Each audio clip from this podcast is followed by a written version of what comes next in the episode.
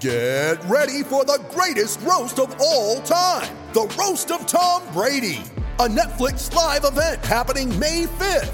Hosted by Kevin Hart, the seven time world champion gets his cleats held to the fire by famous friends and frenemies on an unforgettable night where everything is fair game.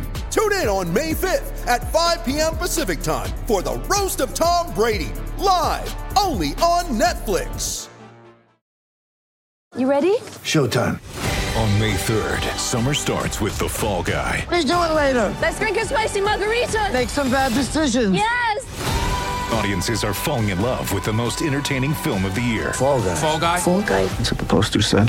See Ryan Gosling and Emily Blunt in the movie critics say exists to make you happy. Trying to make it out? Nope. Because I don't either. It's not what I'm into right now. What are you into? Talking. Yeah. The Fall Guy. Only in theaters May 3rd. Rated PG-13. De stroom. Ready.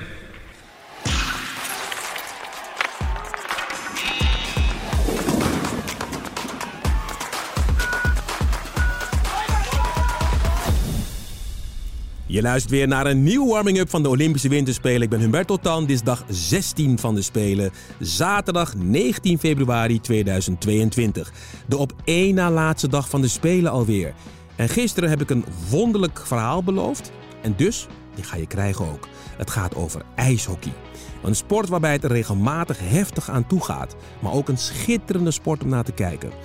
Een wedstrijd bestaat uit drie periodes van 20 minuten. De puck kan snelheden bereiken van wel 190 km per uur. Fysiek contact is toegestaan en ruim 70% van de ijshockeyers heeft tenminste één tand verloren tijdens wedstrijden. Of misschien tijdens een duel buiten de wedstrijd. Maar goed, dat terzijde. En dat fysieke contact klinkt nog netjes. Maar tijdens wedstrijden, ook vandaag de dag, kan het er echt kei en keihard aan toe gaan. Er wordt vaak kort, maar hard gevochten en gebeukt. En tot genoegen van het publiek. Oh, he knocked him down. England knocked him down. Eerlijk is eerlijk, soms komen ze ook een klein beetje voor de ophef. Nou, de vijandigheid leeft vaak alleen binnen de ring, maar stel je voor dat je tegenstander letterlijk de aardsvijand is. We gaan naar 1980. Een van de meest legendarische wedstrijden tijdens de Olympische Spelen, zomer of winter, ooit. We reizen naar Lake Placid, een klein dorpje in de staat New York. Een plek waar ik je de afgelopen weken al vaker over heb verteld. En voor de jonge luisteraars, in 1980 speelde de Koude Oorlog. Het kapitalisme versus het communisme. Het Westen met Amerika als aanvoerder tegen de Sovjet-Unie. Direct military assistance, which is the biggest part right now. De angst voor een derde wereldoorlog was groot. Er is een wapenwetloop. En ik was trouwens in die tijd 15 jaar. En wat die angst en oorlog met ijshockey te maken had, dat leg ik je nog zo uit. Nog eerst even over de sport. Deelnemers aan het Olympisch ijshockeytoernooi mogen alleen meedoen als ze voortkomen uit de amateurdivisies van hun land. Dat was toen nog zo bij de Olympische Spelen. En hier treedt een groot verschil op tussen de hoofdrolspelers in dit verhaal. Het niveau van de Sovjet-Unie ligt destijds ver boven het niveau van alle andere deelnemende landen. De zogenaamde amateurs zijn daar eigenlijk helemaal geen amateurs, maar spelen met internationale ervaring en betaald door het Rijk. Ze hebben op de laatste zes Olympische toernooien zelfs vijf keer goud gepakt. De Amerikanen, dat zijn echt amateurs. Dat zijn studenten. Ze zijn genoodzaakt om een mengelmoes van studenten bij elkaar in een team te gooien. College hockeyers. Ze sturen het jongste team in de geschiedenis van het Amerikaanse ijshockey naar de Spelen.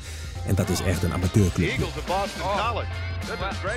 Maar het amateurclubje start goed.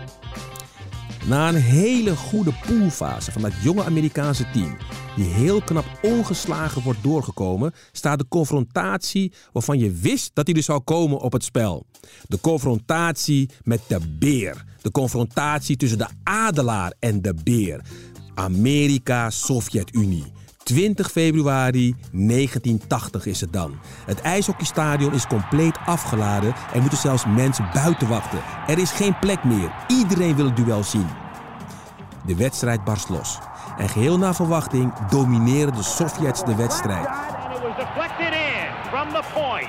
The Soviet Union takes a 1 to nothing lead. Kazakhstan Ze schieten 39 keer op doel en de Amerikaanse college boys slechts 16 keer. Maar aan het einde van de eerste periode staat het 2-2. De Amerikanen houden hun kop boven water. En realiseer je dat de Sovjet-Unie toen spelers van formaat hadden. Ze hadden een aanvalslinie, de KLM-lijn.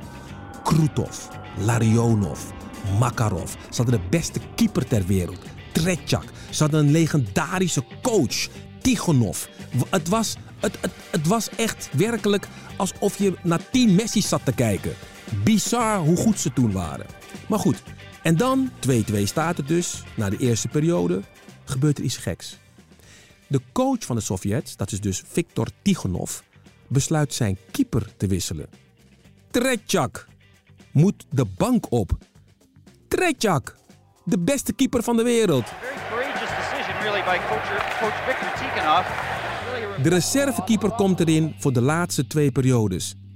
En eigenlijk snapt niemand waarom. Maar ondanks de vreemde wissel blijven de Sovjets wel de wedstrijd domineren.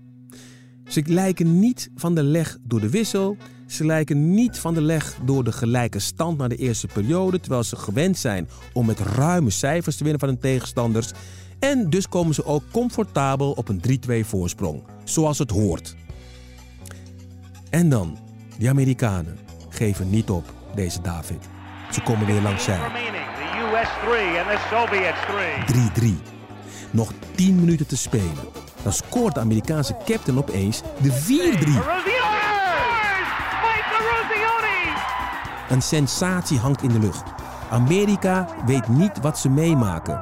Het zal toch niet, maar het zal wel. Dan gebeurt het. In de laatste 10 seconden. Dan hangt er magie in de lucht. En dan wordt die uitspraak gedaan waar we het nu nog steeds over hebben.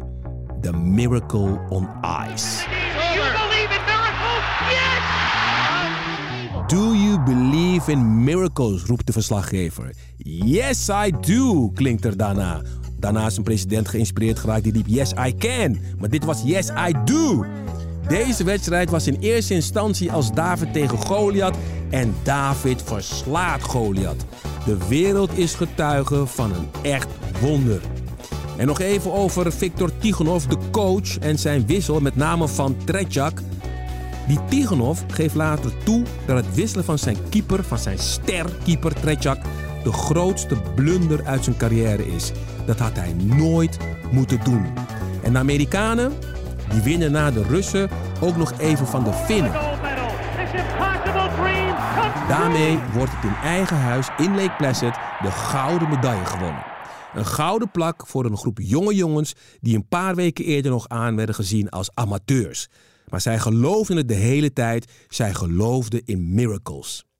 Wat een verhaal. Ready.